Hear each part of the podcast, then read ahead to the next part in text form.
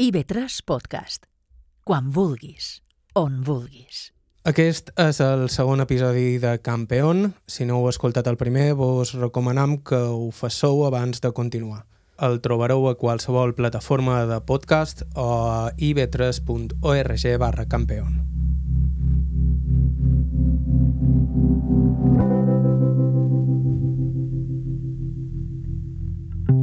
Que li vaig sentir contant a Antoni aquesta història. I crec que no estava tot sol quan me la va contar. La història de com el seu germà Pere Pla el va dur amb ell el dia que la seva banda, Furnish Time, va talonejar The Smiths en el seu únic concert a Espanya, el de 8 de maig de 1985, i com ell, Toni Llinàs Pla, veient tot aquell públic, va tenir una revelació. Va ser en aquell precís instant, allà mateix, que va saber que la seva existència tenia un únic objectiu, organitzar concerts. Així com ho contava ell, o així com ho imaginava jo, l'escena era talment aquella seqüència del rei lleó en què el mandril aixeca el petit Simba per presentar-li els que prest seran els seus súbdits. Només hi havia un petit problema. No estaba el de los Smith. Aquesta és Mané Capilla, bateria de Furnish Time i un històric de l'escena local. O sea, o me falla la memoria o yo no lo vi en ningún, en ningún momento el del concierto de los Smith. Ni, ni, ni lo recuerdo allí, incluso eh, el, el baliño me pregunta, ¿y los Smith qué tal? Digo, no los vimos. O sea, estuvieron en el camerino todo el rato, o sea, ni, ni lo vimos circular por el backstage, tocar, salir, hacer el concierto y volver a irse. O sea, en ningún momento estuvieron departiendo con la gente y nada. O sea, nosotros ni, ni lo vimos. Y luego también, por ejemplo, hay una escena que recuerdo, sí, ahí sí recuerdo que estaba Rafael Yuan, que sí recuerdo de, de- los que vino, pero el Tony ni lo recuerdo. Y estábamos justo, nos hacía una entrevista la, la Paloma Chamorro de la de Oro, que siempre digo que es ridículo que hicimos, porque estábamos, estaba la Paloma Chamorro y el Pere preguntándole y estábamos todos alrededor, ¿no? Como, yo me acuerdo perfecto, hostia, vamos a salir en la de oro. Y el puto cámara solo enfocaba al Pere y a la, y a la, y a la Paloma, con lo cual cuando lo ves en televisión haces, cago esa puta, nosotros haciendo el gilipollas allí, en la cámara, todos así, todos posturitas, y el, el puto cámara se debía estar descojonando porque no- solo nos enfocaba, solo enfocaba al Pere y a, la, y a la Paloma. Yo al único que recuerdo es a Rafael Joan, y luego los músicos, que estábamos el Ginés, el Biel, el... Pero al hermano no lo recuerdo, ya te lo digo. Y en, en aquella época, él todavía no estaba muy metido en la música. Yo no lo recuerdo en el concierto de los Smiths, ¿eh? Además, tocamos porque teníamos el tiempo justo y salimos, no nos dio tiempo de hacer, ya te digo, mucho. el-. Estuvimos un rato viendo los Smiths desde, el escenario, pero yo no recuerdo nada más. Y al Tony no lo recuerdo para, pero para nada, ¿eh? Para nada, para nada. Reexaminant el mite, de fet, res encaixa. Quan Pere Pla va talonejar els Smiths, Antoni devia tenir 24 anys, un poc gran perquè un mandril l'aixequés en braços. I a sobre, ningú no el recorda per allà. És més, ningú no recorda ni tan sols que en aquells anys Antoni tingués cap mena d'interès en absolut en la música. Yo empecé a trabajar con Pere, que creo que era el no sé si fue final del 79 o eh, 80. 80 seguro. Y creo que lo conocí ese mismo año porque ya estaban en el, el Bar Tony, era el- como un centro de reunión para... Y él ya estaba por allí. Lo que recuerdo es que no le interesaba nada la música. Era como, mi hermano es este, es este rollo, pero él estaba a otro rollo completamente. No sé si una temporada incluso tenía una imprenta y hacía camisetas. De la música no, no, no era como aparte, lo, sabías que era el hermano de Pere, pero no hablaba ni de música con él, estaba en otro, mundo. Yo sabía quién era, pero lo trataba poco, porque te digo, era como, así como nos relacionábamos con gente de la música y tal, la sensación que daba, o a mí me la daba, es que no le interesaba nada el mundo de la música, estaba en, en- en otro sitio, ¿no? Y el bar, los padres, y hablaba de, yo qué sé, eso te, creo que hacía camisetas, o alguna vez entendí algo que hacía camisetas, pero era como más, estaba como más dedicado a la- al rollo de, del bar y esto que, que a la música, ¿no? Se empezó a interesar por la música a partir de esa costeta, que empezó a llevar el bar de... lo empezó a llevar él, el, el bar de los padres, y empezaron a montar esa costeta. Pero claro, estaba el tomate, estaba el Peter, supongo que todos hicieron un poco de, de fuerza para montar lo de, lo de esa costeta. A més, en Mané va ser un dels primers sorpresos per la sobtada transformació d'Antoni. Al principio sí, porque yo no, no- no lo relacionaba con el mundo de la música, lo relacionaba con, con más eso, con la hostelería que, que, que con la música, sí, sí. Y más en el, de la forma que se lo tomó, como de pronto era el, el, el promotor, ya te digo, cuando me llamó a mí, cuando estaba montando los, la, la costeta, me llamó una vez para. Yo estaba tocando con los Rilex y me llamó para, para una de las fiestas. Digo, digo, sí, vale, digo, vale, hablo con, con los demás y te digo cosas no sé, estábamos ensayando y le digo, oye, ¿has salido esto? Y el Charín me dice, no, yo me voy a, a, a, Menorca, San Juan. Coincidía con la fiesta de San Juan, siempre era en junio. Y me dice, yo me voy a Menorca y tal. Ah, digo, vale, pues no, no, tocaremos. Justamente esa noche no lo llamé y coincidió en un programa de radio de estas radios con los cerebros. Como ensayamos todos en la FEMU, se ve que habíamos hablado y habíamos dicho, no, no, no vamos a San Juan, a la, no iremos a la costeta y tal. Total, que el tío anuncia que van a tocar los Rilex en la radio y los, los cerebros le dicen, me parece que no, ¿eh? porque hoy hemos estado con ellos y han dicho que se van a, a San Juan. Total, que me llama y eran como las 11 de la noche. Oye, mané, esto, digo, hostia, sí, Tony, que te tenía que llamar, pero se me ha olvidado. Te vaya. Digo, no, Chanín no, no va a estar y no, no podemos tocar. Eres un cabrón. Empieza a insultarme, ¿no? Yo, ¿pero qué dices? El año que viene iba a traer a Manu Chao y os iba a poner de teloneros. pam, pam, y yo así ya, al final me, me caliento y digo, a ver, Tony, hace más de 10 años que me he ido de casa, que no vivo por aguantar a mi padre, no tengo que aguantar a ti, ahora esta bronca que me estás dando, pero esto que digo, me pediste un favor, cuando pides un favor pueden pasar dos cosas, que te lo hagan o que no te lo hagan. Digo, si no vamos a estar aquí, oh, no sé qué, ando la mierda, ah, la mierda. Y estuvimos como un, casi un año, dos años que no nos hablábamos, e incluso siempre lo recuerdo porque a veces trabajaba cerca de allí y pasaba por el, por el Cantoni y me iba a comer al Martí.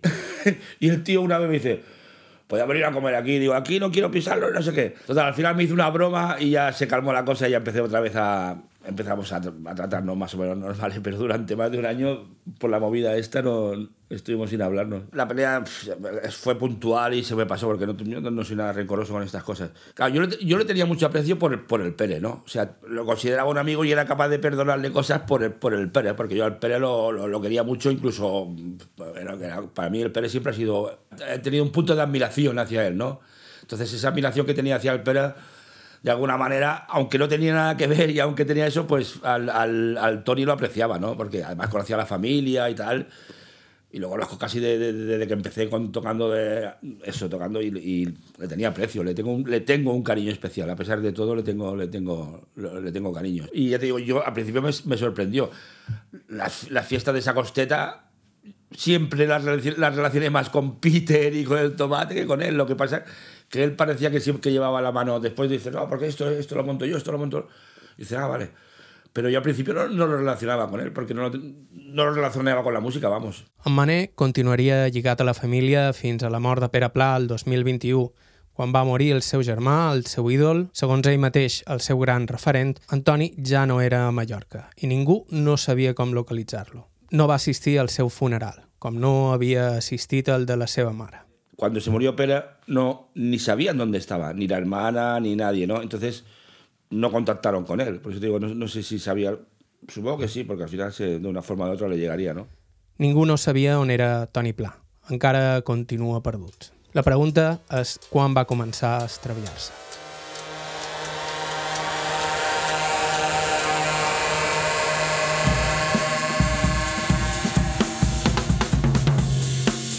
Som en Joan Cabot, estàu escoltant Campeón, la història de Toni Llinàs Pla. Aquest és el segon episodi de 4 i es titula El talent de Mr. Pla.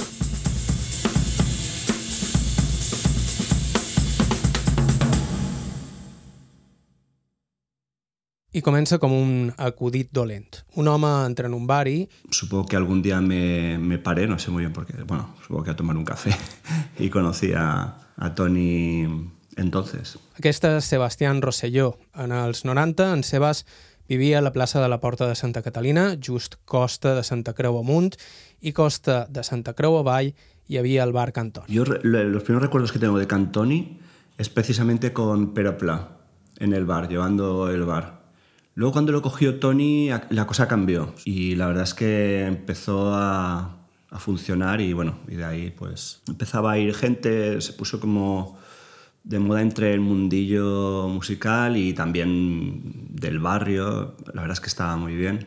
Y recuerdo que cada vez que me iba a tomar un café, Tony me proponía, normalmente me solía proponer montar un fanzine, que, no sé, estaba obsesionado con hacer un, una revista de música y dije, no, Tony, yo paso porque no sé escribir y no me, no, no me veo, no me interesa. Pero bueno, es un tío que te da mucha conversación y la verdad es que cada día me insistía con esto. Yo en esa época estaba trabajando en una compañía aérea y quería cambiar de aire. Entonces le dije, Tony, si tú pones la pasta, montamos un sello discográfico. Me dijo, vale, claro. es que le, le, basta poco. Y ahí empezó, empezó todo, ¿no? Bueno, empezaron a suceder coses. Sebas Rosselló venia de ser el baixista de Demonio Sánchez, un dels grups més originals dels 90 a Mallorca, i des de llavors havia continuat lligat a l'escena de diverses maneres, com per exemple amb el fanzine La Part Orienta. Allò era l'any 1997, eren els anys de la festeta de sa costa que organitzaven el bar Cantoni, Runaway i el bar Tomate, i Antoni estava de cada cop més ficat en el seu paper de mecenes cultural. El realitzador Tulli Hortas va assistir tant al naixement de la discogràfica com al despertar musical d'Antoni. La transformació va ser un poc com a... És a dir, com aquestes pel·lícules de coming on age, no? de que vas madurant i vas veient un poc pues, que qualcú que te generava molta il·lusió i fins i tot admiració o que te queia bé d'alguna forma pues, com a perdent en el principi jo crec que no es tenia ni idea de música, és a dir, era igual escoltar eh, José Luis Perales que Los Bravos, saps? I eh, li agradava un poc així com la música més dels anys 60 i aquestes coses. I Forats Negres, això sí, era com... A... I a partir de Forats Negres, pues un poc la música aquesta dels anys 80, els Smiths i aquestes coses que havien estat al voltant de Forats Negres però poca cosa més. És a dir, Smith, igual de Cure, algo així, però mm, te podia posar això i després un rayo de sol i mesclar-ho tot i, i tal. Un dia, de sobte, va aparèixer un, un tocadiscos a, a Cantoni, que va fer que, que, que, que s'hagués de llevar una taula perquè era molt petit el bar i tal. I allà durant un temps intentava posar música, però com que la gent xerrava tot el temps, de vegades havia la tele i tal, pues era, va quedar com més de decoració. I un poc a partir de que va aparèixer com aquest d'equip de música era com això és un bar de músics i un bar musical. La discogràfica que va crear al costat d'en Sebas es diria Primeros Pasitos, però més que una discogràfica al principi era un calaix de sastre en el que entrava qualsevol grup que creués les portes del bar, entre ells Caníbales, Freidura o la banda del Exceso. Tony, claro, ya empezó a todos los grupos que entraba, que frecuentaban el, bar, les propuso sacarles un disco, claro. Se comprometía con todos los grupos que iban por ahí a publicarles una luz, que algunos estaban muy bien, pero claro, tampoco era la, idea, ¿no? Tony no tenía cap criteri a la hora de, de agafar grups de música i podia estar la banda de l'Exceso, perquè en Antonio Micol era camarer del Tomate, o freiduria perquè en Kiko havia tocat a Los Crudos i no sé, hi havia ja com una mescla era un poc fer favors a, a la gent que venia per el bar i, i incentivar que la gent fes coses. Però en el mateix temps, com que donava tanta il·lusió, després el que te donava a canvi, malgrat s'hagués gastat mmm, 25.000 pessetes en gravar un CD, a la gent li semblava que, que la cosa no funcionava que no era el que havia previst, perquè que concerts que, que s'havien de fer no se feien, perquè el disc finalment no s'havia distribuït, havia quedat allà i no arribava a les tendes de la península, i, i un poc poc més que la, els grups se quedaven amb el seu disc, en caixes i caixes dels discs, i no arribaven més enllà també estaven aprenent com funcionava el món de la música, perquè ara se sap que, que hi ha les editorials per una banda, els managers per una altra, eh, els que organitzen els concerts per una altra, però llavors semblava que tot ho feia la mateixa persona, no? sobretot de les discogràfiques petites. I clar, quan la gent veia que això no passava, pues, se frustrava molt i s'acabaven enfadant i havia, havia un poc eh, aquestes discussions que record que no sé, no sé en quin dels grups estava, o si estaven tots, però un d'aquests primers grans desencantats de tot això va ser en Ginés Fernández, de, de Los Crudos, que, que va ser com el primer que, que va començar a, a criticar Antoni i a dir que, que, que, que estava estafant a la gent i que bla, bla, bla, i a discutir fins i tot allà en el bar. I, bueno, i en aquells moments pues, jo estava un poc més descostat d'Antoni, no? de dir, és a dir, és el que hi ha, no n'hi no, no ha més. No esperis que un tio que fa dos dies no sabia res de música ara te tregui un disc i ho estigui distribuint per Anglaterra, per molt que t'ho conti. Amb els anys, la visió de Ginés Fernández s'ha moderat. De fet, el seu retrat d'Antoni avui en dia és el d'algú increïblement apassionat i hiperactiu. A Tony le gustaba mucho el fútbol y era una persona muy, muy impulsiva y, y lo, lo, daba todo. Años 90, los crudos y yo también tocaba con los caníbales. Y de repente una persona dice, oye tíos, yo os grabo un disco y os edito un disco. Claro, eh, nosotros, mm, a ti te dicen eso y dices que sí.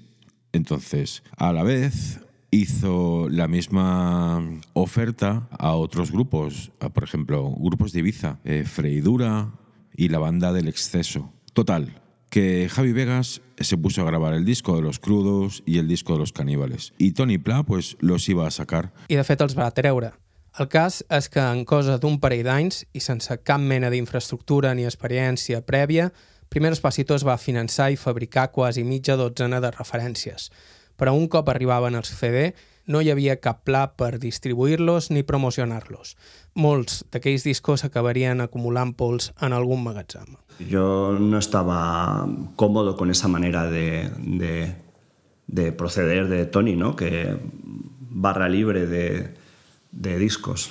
O sea, tienes un grupo, yo te saco un disco. La idea era hacer algo un poco, no sacar un disco porque sí, sino tener que currarlo detrás y, hacerlo bien. Hasta que decidimos que teníamos que, que ir un poquito con más cuidado, ¿no? Sacar menos cosas y dedicarnos mejor a, a los grupos y tal. Entonces hicimos, hicimos como tabula rasa a partir del primer disco de, de Satellites, el primer EP de Satellites. Un element important en la nova direcció que prendria el segell seria Joan Vic Montaner. Joan Vic i Seba Rosselló eren amics des de feia anys, havien col·laborat a la part orienta i tocat plegats a Los Hijos de Sánchez.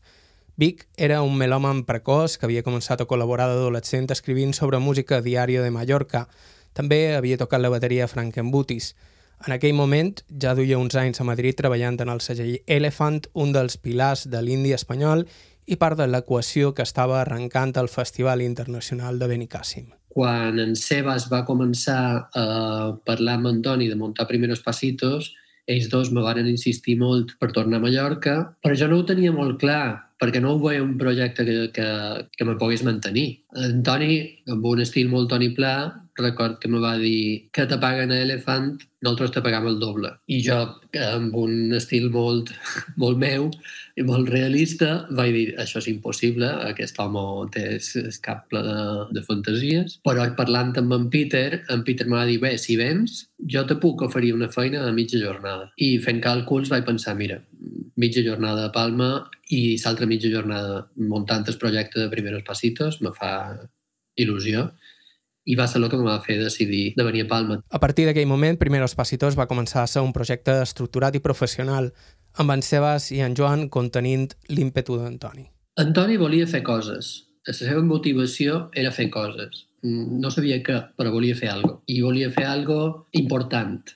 Durant uns anys varen muntar amb en Peter la festa de la costa de Santa Creu, que li deien la festa de la costa, on record que un dels anys el tècnic de so era en Joan Miquel Oliver, el que duia el so. I varen tocar Doctor Explosió, també recordo un concert mític de Doctor Explosió de la costeta. Però Antoni volia que la festa de la costa se convertís en una cosa gran, quan era tant en Peter com en Sebas, com els amics que hi anàvem, li dèiem que de què xerrava, o sigui que no tenia cap sentit. A la festa de la costa record un moment molt, molt graciós en el qual ell t'explicava com li agradaria que ell toqués en Jamiroquai.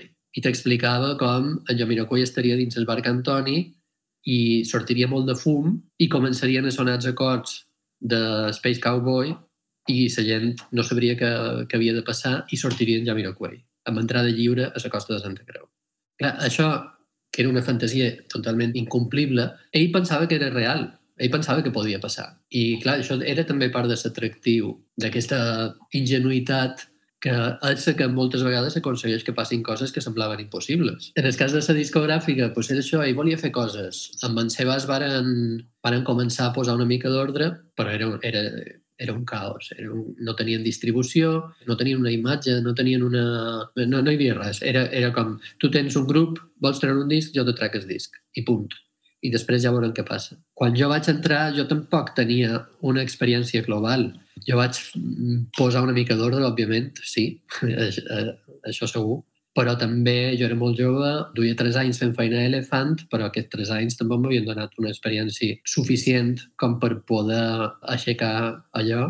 I també parlam d'una època pre-internet, tot i que nosaltres des del primer moment vàrem tenir internet i correu electrònic i tal, no hi havia les facilitats de distribució que hi ha ara, van començar des del de, moment en què van fitxar satellites. També va ser una, una mica el que me va decidir a acceptar, perquè des del primer moment me deien has de venir i has de fer feina amb nosaltres. Però fins que no vaig veure satellites no vaig estar convençut. Quan vaig veure satellites sí vaig pensar, val, aquí hi ha un grup amb el qual podem fer feina de veres i podem funcionar com jo volia, perquè jo també tenia idees com les d'Antoni de molt grans, de volia fer feina internacionalment i, volia, i això ho tenia claríssim. Ho havia pres a Elefant i sempre m'havia m'havia interessat i amb Satellite sí que ho vàrem veure i de fet a la nostra humil capacitat ho vàrem fer i a partir d'aquí va ser quan, quan vàrem començar a fer feina en Primeros Pasitos tots tres junts. Juntament amb El Diablo en el Ojo, Satellite serien el pilar sobre el qual s'erigiria una de les discogràfiques més importants dels 90 a Mallorca.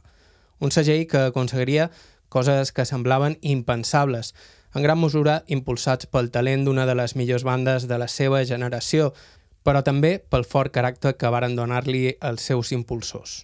Vàrem decidir pràcticament des dels principis un segell local amb artistes locals. Sent un segell basat a Mallorca, estàs molt en fora dels centres de decisió i era complicat, però sí que vàrem provar de tenir una personalitat forta i això crec que ho vàrem aconseguir. Per bé i per mal, perquè clar, hi havia molta gent que no li agradava la nostra personalitat, però, però era la que era.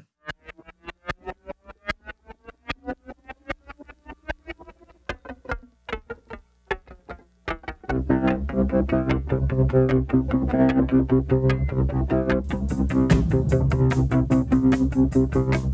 primer EP de Satellites, la primera referència de Primeros Pasitos com a tal, va aparèixer l'any 1998. Aquell mateix any, el trio format per Toni Pla, Joan Vic i Seba Rosselló va passar a fer-se càrrec de Sonotone, un club i sala de concerts que marcaria una època.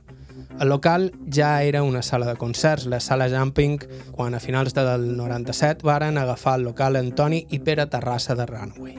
Sí, nosaltres vam obrir, eh, això sí que ho sé cert, perquè era el 97, perquè està a punt de néixer el meu fill, final del 97, jo crec que era desembre del 97.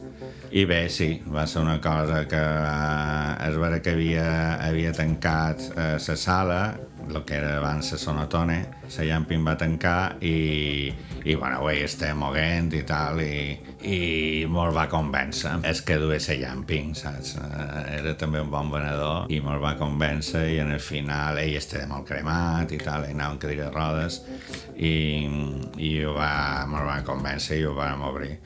Jo vaig durar 8 mesos, eh? realment no vaig durar gaire, perquè bé, és vera que mm, per una banda no estic empenedit, però crec que també va ser una equivocació, perquè clar, t'he dit, el meu fill està a punt de néixer i clar, ja era insuportable, saps? Dur la botiga, perquè els dos fem feina, duem la sala, la botiga, ho duim tot d'una forma que, que clar, per ahorrar, estem allà fent, saps, de camarera tot fem, no? Entre cometes vaig convèncer, o se van convèncer ells mateixos, en Joan Vic i en Sebas, eh, de Primeros Pasitos, que ja també ja estem fent, començant a fer coses amb Antoni, i se van quedar ells i jo pues, ben content. Bé. Joan Vic, en qualsevol cas, recorda que la idea d'obrir una sala de concerts i club ja els rondava pel cap des de feia anys. Muntar una sala era una cosa que en Peter duia entre ceia i ceia des de feia segles.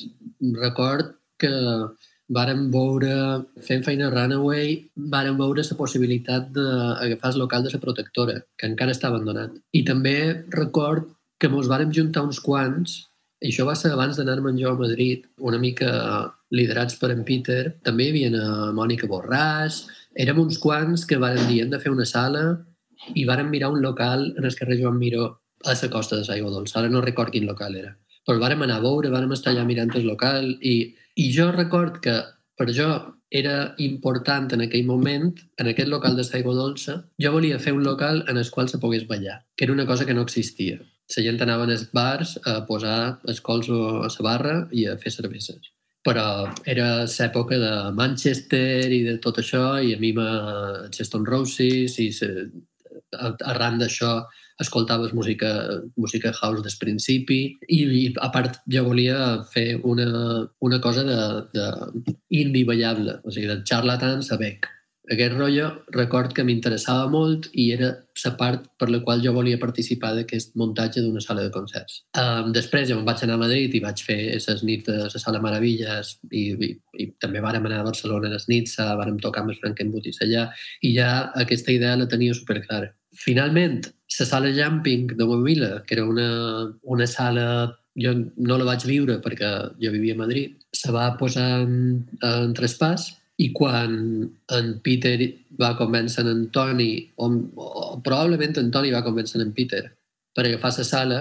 en Toni mos va dir en Sebas i a mi, mos hi ficam com primeros pasitos. Bé, el cas és que vàrem entrar en el lloguer i en el traspàs de Sonotone com primeros pasitos. Amb molta generositat per part d'Antoni, perquè en aquell moment no hi havia... Nosaltres no vàrem fer cap, cap inversió. La inversió la vàrem fer en Peter i Antoni. En aquest moment, a primeros pasitos, també hi estava en Luis Hortas, en Tulli. I va ser el moment en què en Tulli se va sortir, perquè no ho va veure clar.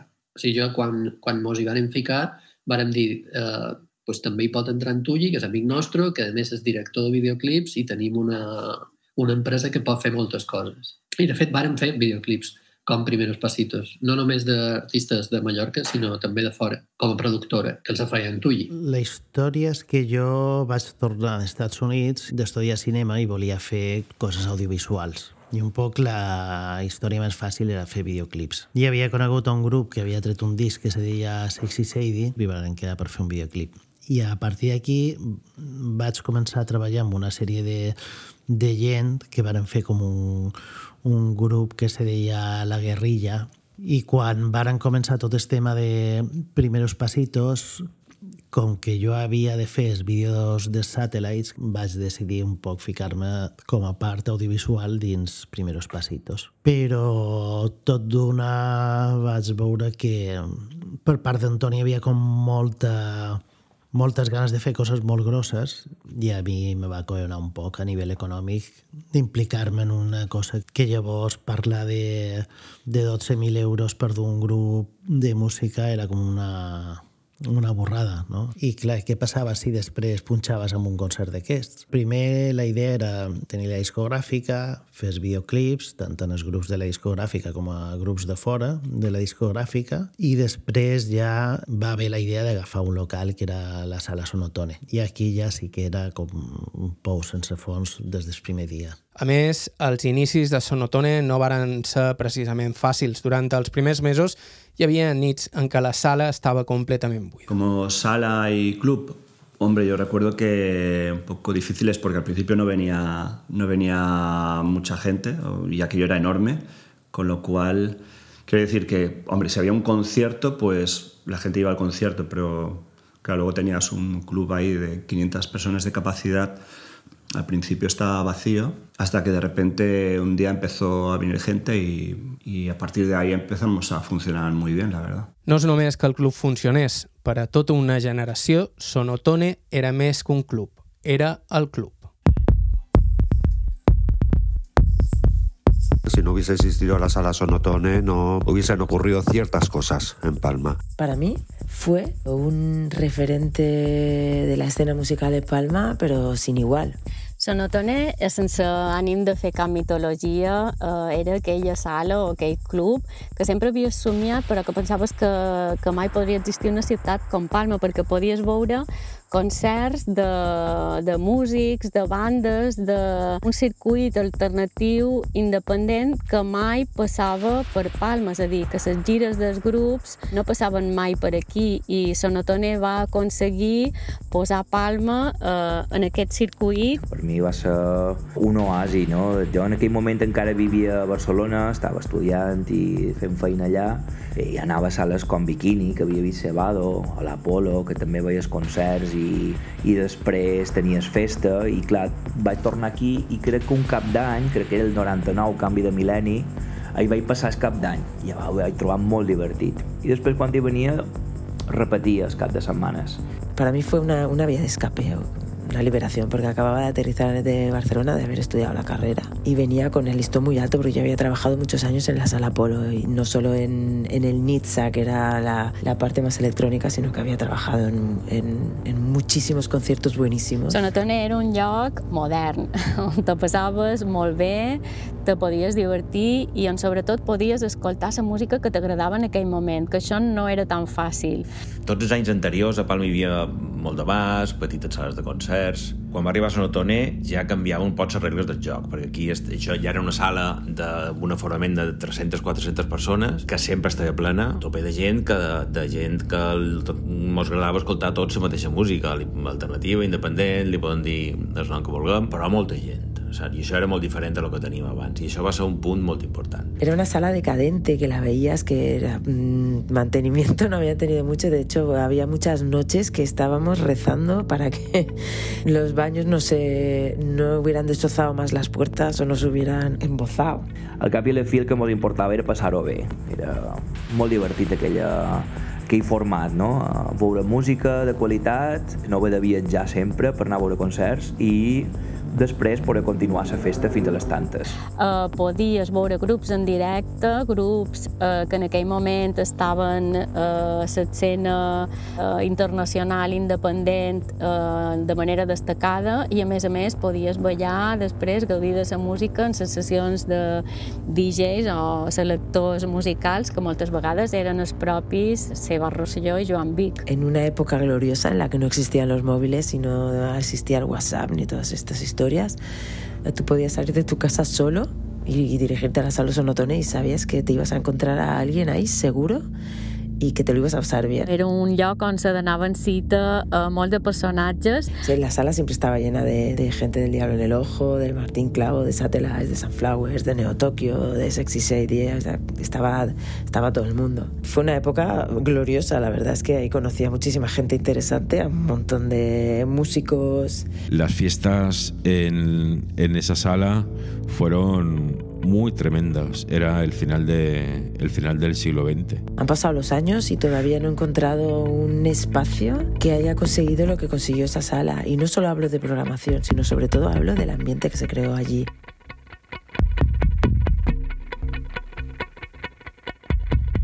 Mentre va estar obert i fins que va tancar el 2003, Sonotone es convertiria en el model en el qual es mirarien els clubs indis de les següents dècades, mesclant música alternativa i música de ball, adonisme i rock and roll, electrónica y guitarras. A nivel musical, yo que era el DJ que más, más pinchaba allí, Joan también pinchaba, pero creo que yo estaba, no sé si los, los dos, vamos, todos los días o casi, todos, casi todas las noches, vamos. Mi idea en aquella época era mezclar electrónica y guitarras, porque era los, bueno, la explosión del Big Beat y el sonido de Bristol, y, y esa era un poco mi, mi idea. De hecho, fue lo que hizo despegar el, el club, ¿no? O sea, los, eh, los, primeros discos de Chemical Brothers y Prodigy, bueno, mezclado con indie nacional e internacional, ¿no? O sea, yo lo vi desde dentro, pero no había ningún sitio parecido, ni había habido un sitio parecido, así un, un sitio para ir a bailar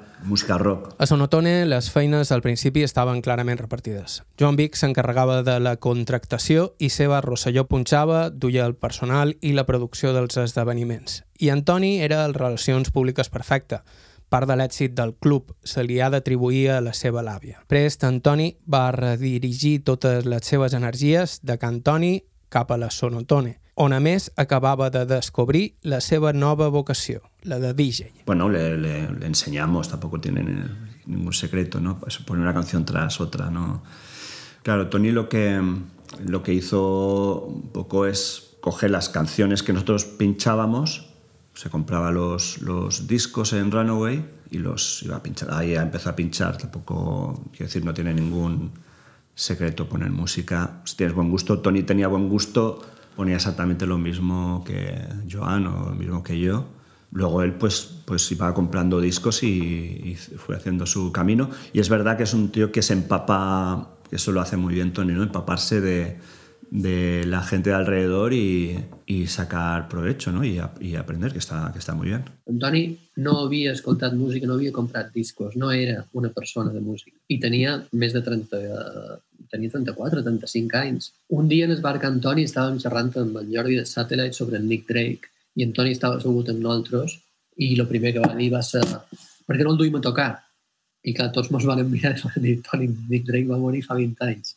Ell, ell simplement sabia veure quan la gent que sabia d'una cosa respectava o admirava una altra. I ell anava agafant això i si tu i jo parlam ara de, no sé, d'en Thomas Pynchon, pues ell dirà Thomas Pynchon, no se m'oblidarà. Però potser no ha llegit mai cap llibre d'ell i no li feia falta. Havia captat a la nostra conversació quins eren els bullet points, les parts importants per poder parlar d'això.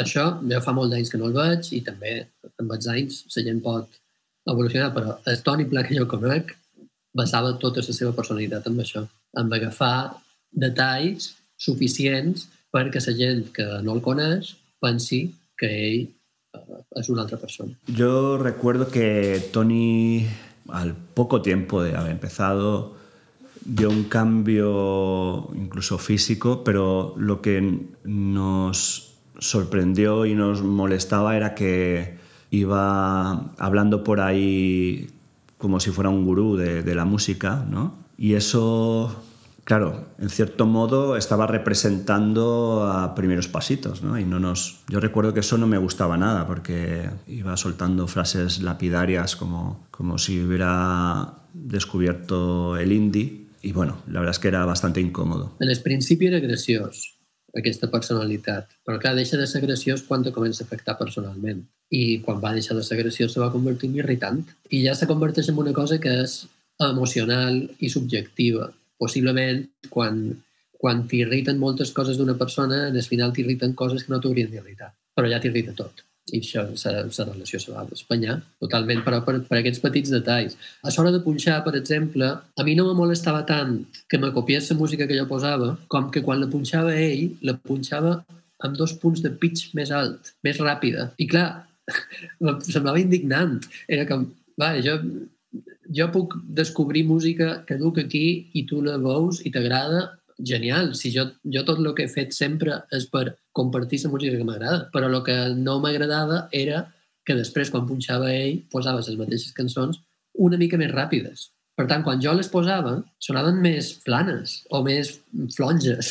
Sonava com a més avorrit perquè quan les posava en Toni sonaven més ràpides i més potents. Va un moment que, que vaig decidir no punxar, o punxar a primera hora, que era quan no hi havia ningú i podia posar el que volgués. I ja mmm, quan arribava el moment de que la sala estava plena de gent, punxaven en Toni o en Sebas o en Jaume Agost o, o tu o qualsevol altre, però jo ja me vaig llevar de punxar a darrera hora una mica per això, perquè no volia una competició. Jo no he volgut mai competir amb ningú i crec que en Toni sí volia competir amb molta gent, no només amb nosaltres. Se fixava molt en el meu amic, en Jordi de Satellites, era una persona que també se fixava. Me recordo una vegada que en Jordi li va, de broma, li va menjar estarro perquè dugués en Nick Drake, bueno, això va ser famós en el barri.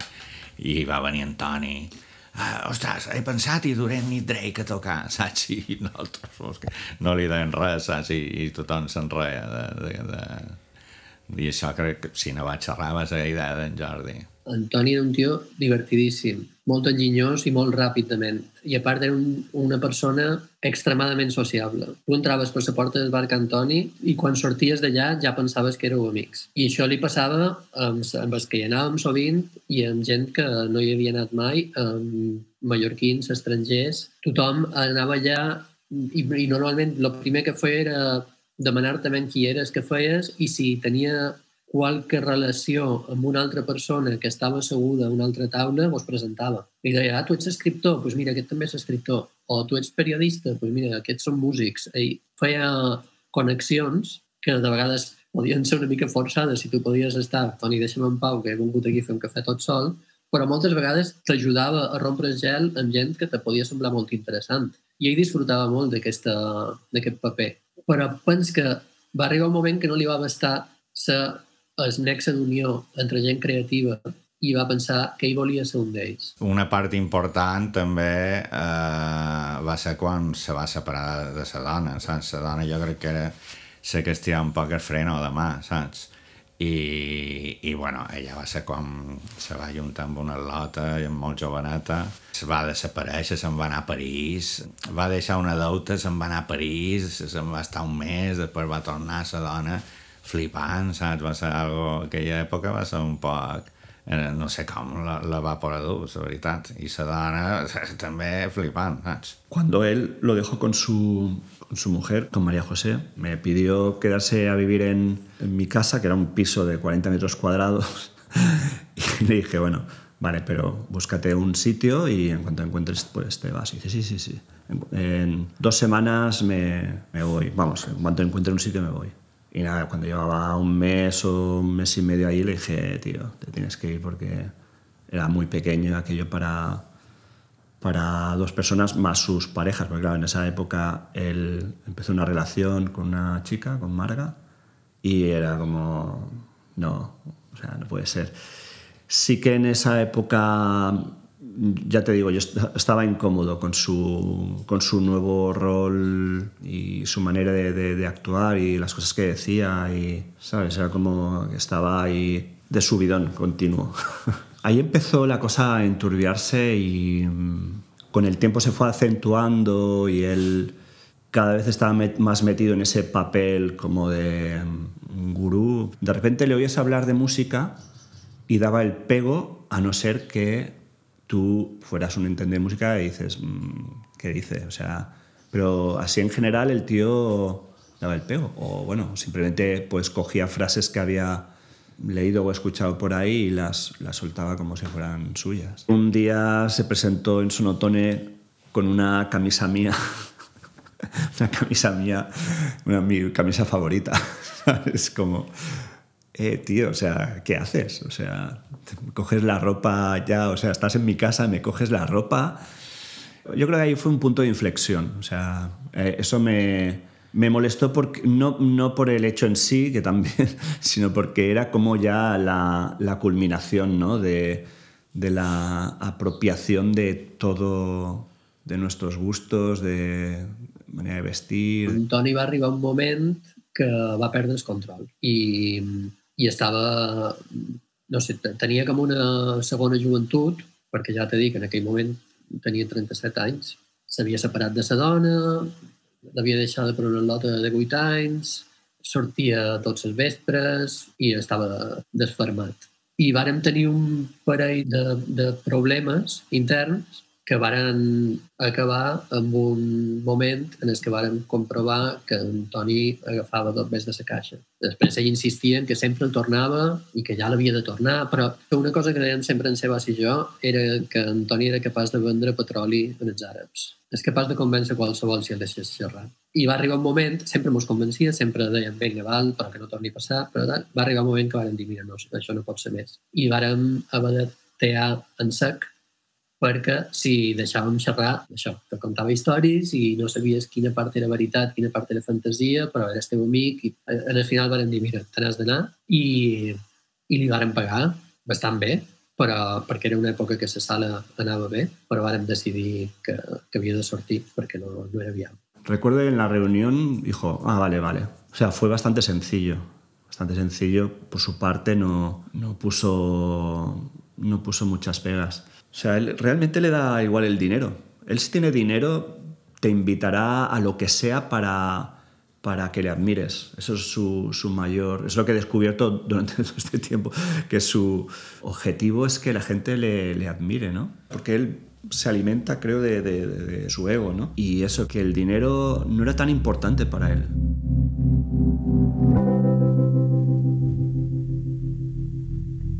Després de la seva sortida de Primeros Pasitos i Sonotone, Toni va crear una mena de segell total anomenat Barbarella Pop, amb el qual volia treure discos, muntar exposicions i organitzar festivals. El primer, Libritart, l'any 2000.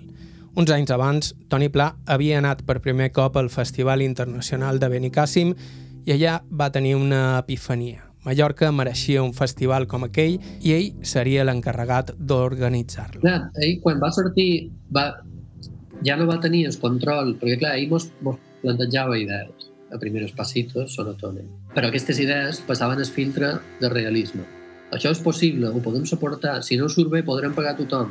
I moltes coses pues, quedaven pel camí perquè, perquè havíem de ser realistes. I, en, i el, el tema de Barbarella que després va desembocar a Llibritat, era una mica aquesta idea d'art total d'Antoni de fer coses. Ell no sabia ben bé, era vull juntar pintors, escriptors i músics fent eh, tots amb un mateix disco i després vull fer un festival que li, vaig, li diré híbrid art perquè vull que sigui art híbrid que hi hagi de tot, que hi hagi una exposició de còmic, una exposició d'escultura, que hi hagi música, que hi hagi dansa.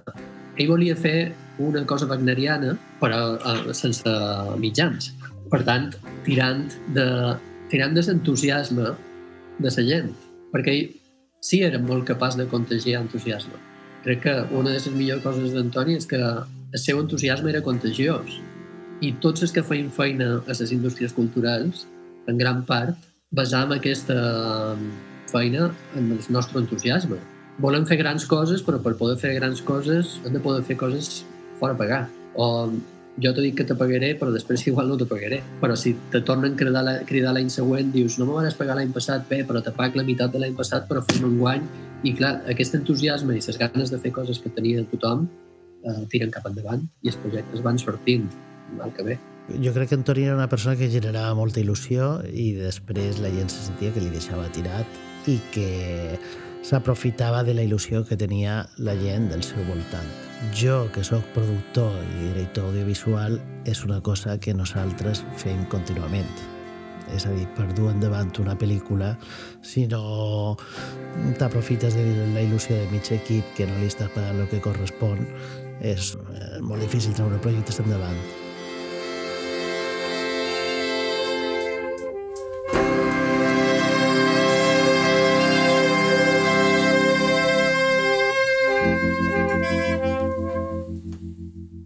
Malgrat ja no eren socis, Toni Pla, Seba Rosselló i Joan Vic varen continuar mantenint una bona relació i, de fet, els seus dos excompanys varen col·laborar tangencialment en algun dels seus projectes posteriors. En aquell moment teníem una bona relació. Eh? Jo vaig escriure el llibre de Sisla Encanta. Me'l va demanar i el vaig escriure encantat i, i, i des, crec que encara el quart. No sé, estava molt orgullós d'haver-lo fet i vaig punxar a la piscina d'Esporles, la piscina municipal. Però el 2002 la seva relació estava a punt de canviar. No vàrem rebre molt bé l'obertura del Casino Royal, un altre projecte d'Antoni vampiritzant un club de Londres que se deia Casino Royal, que era eh, el club que tenien Jeff Automàtic Antoni va, obrir, va obrir el Casino Royal a, a 300 metres de Sonotone. Nosaltres ens semblava molt bé que és competència, però clar, si tu obrin una cosa que és exactament igual que el que tu fas a de vora, és respectable, és lícit, però nosaltres ho vam veure com un cop baix. No només obrir un lloc a de vora nostre, sinó més oferir feina als nostres treballadors. O sigui, entrar en el nostre personal de barres, en el nostre personal de seguretat, en els nostres tècnics de so, i oferir-los feina a la seva sala perquè deixassin la nostra. Això nosaltres ho vam interpretar com un cop baix i va començar a deteriorar la relació també perquè no volíem tenir massa relació perquè si tens molta relació amb Antoni t'emmerdarà. I teníem clar que havíem de mantenir unes distàncies i se va refredar molt, sí, se va refredar molt tota, tota la relació, òbviament. En tot cas, al voltant de les dates en què Toni Pla havia obert Casino Royal, la sala Sonotone havia perdut part de la inèrcia que l'havia convertit en una referencia generacional en el cambio de milenio. Bueno, a ver, nosotros tenemos un alquiler bastante bajo, eh, con lo cual cuando, cuando hacíamos un concierto, pues más o menos funcionábamos. Sí que, sí que recuerdo que el club había bajado mucho de la afluencia. Recuerdo también que teníamos una noche de, de electrónica que bueno, funcionaba así así y la otra noche era pues siempre de indie y tal. Ya había bajado, o sea, mm, la gente seguramente iba más a, a Casino Royal. Los bares tienen sus momentos y, y en cuanto abre otro, lo normal es que haya un trasvase, ¿no? Que sí, le pasó a Casino Royal con el Cultura y al Cultura con Sabotage, seguramente siempre ha habido como un relevo ahí. Nosaltres vam tenir sort en aquell moment. L'edifici se va vendre i per poder vendre l'edifici ens havien d'indemnitzar. Ja duíem un any competint amb el casino i el casino tenia més públic que nosaltres perquè era la novetat i a la gent li agrada la novetat i vàrem decidir agafar els dos bes i sortir sortir d'allà. Llavors vàrem invertir dos bes en el Cafè Bizarre, que va ser un bar que no va funcionar, però, però això ja va ser un error nostre. Però sí, en aquell moment vàrem sortir bé i vàrem pensar, mira, hem estat aquí quatre anys i mig, ha valgut la pena, ho hem passat molt bé.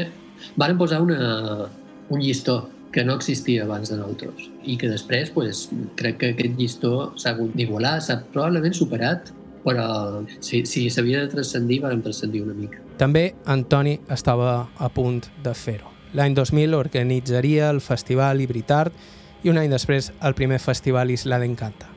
Antoni Pla estava a punt de fer història i Antoni Llinàs a punt de completar la seva transformació.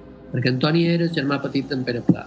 Ell havia vist l'època daurada de Fornistany, el seu germà anant a tocar a Madrid amb els Smiths, treure discos i sonar a Ràdio Nacional i a la premsa nacional i de ser un grup que semblava que havien d'explotar. Però després aquesta època pues, se va anar apagant i crec que Antoni sempre havia volgut no ser el germà petit d'en Pere Pla. En aquest sentit, el nom artístic d'Antoni és Toni Pla, quan, que era el nom que s'havia posat el seu germà, el segon llinatge. Antoni, fins en aquell moment, era Antoni Llinàs. I crec que el, el mateix fet de dir-se, de fer-se dir Toni Pla era com vale, el meu germà és en Pere Pla, però jo som Antoni Pla i jo també tenc la meva personalitat i també estic fent coses i estic fent coses transcendents. I l'amo d'un bar on la gent s'ho passa molt bé, històricament no és transcendent. En realitat, humanament, és molt més important.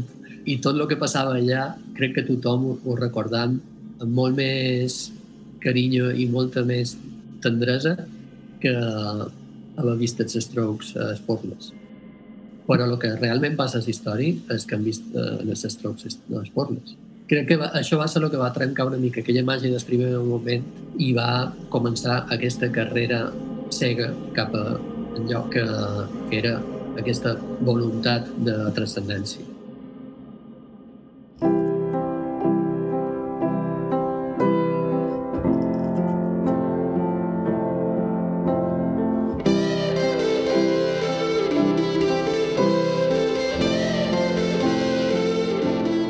Escoltat el segon episodi de Campeón, un podcast de Joan Cabot per a IB3 Ràdio. La música que hem fet servir avui és de Tai Segal i de Devendra Banhart. Ens podeu seguir a qualsevol de les plataformes disponibles i escoltar a ib3.org barra campeón. La setmana que ve, tercer episodi. Me voy, me voy, me voy. Sleep inside the eyes of your mind. Don't you know you might find a better place to play? Well, you'd said that you'd never been, but all the things that you'd seen will slowly fade away. I'm Going to start a revolution from my bed. Cause you said the brains I had went in my head. So step outside, summertime's in bloom. And stand up beside that fireplace. Take that look from off your face. You're not ever going to burn my heart out. So Sally can wait. She knows it's too late as we're walking on by. Soul slides away. But don't look back in anger, I've heard you say. Take me to the place where you go where nobody knows if it's night or day. Please don't put your life in the hands of a rock and roll band who'll throw it all away. So I'll start a revolution from my bed. Cause you said the brains I had went to my head. Step outside, summertime's in bloom.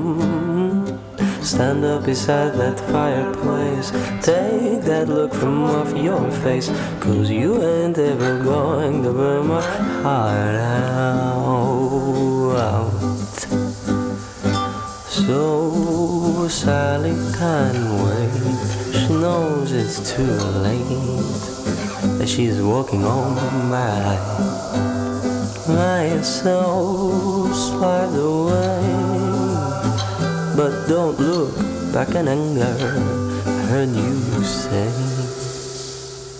I want to live like common boys, dressed like girls, dressed like boys who give me head, give me head music instead.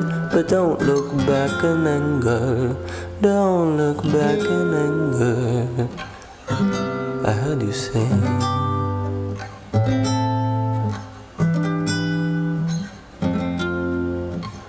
but not today.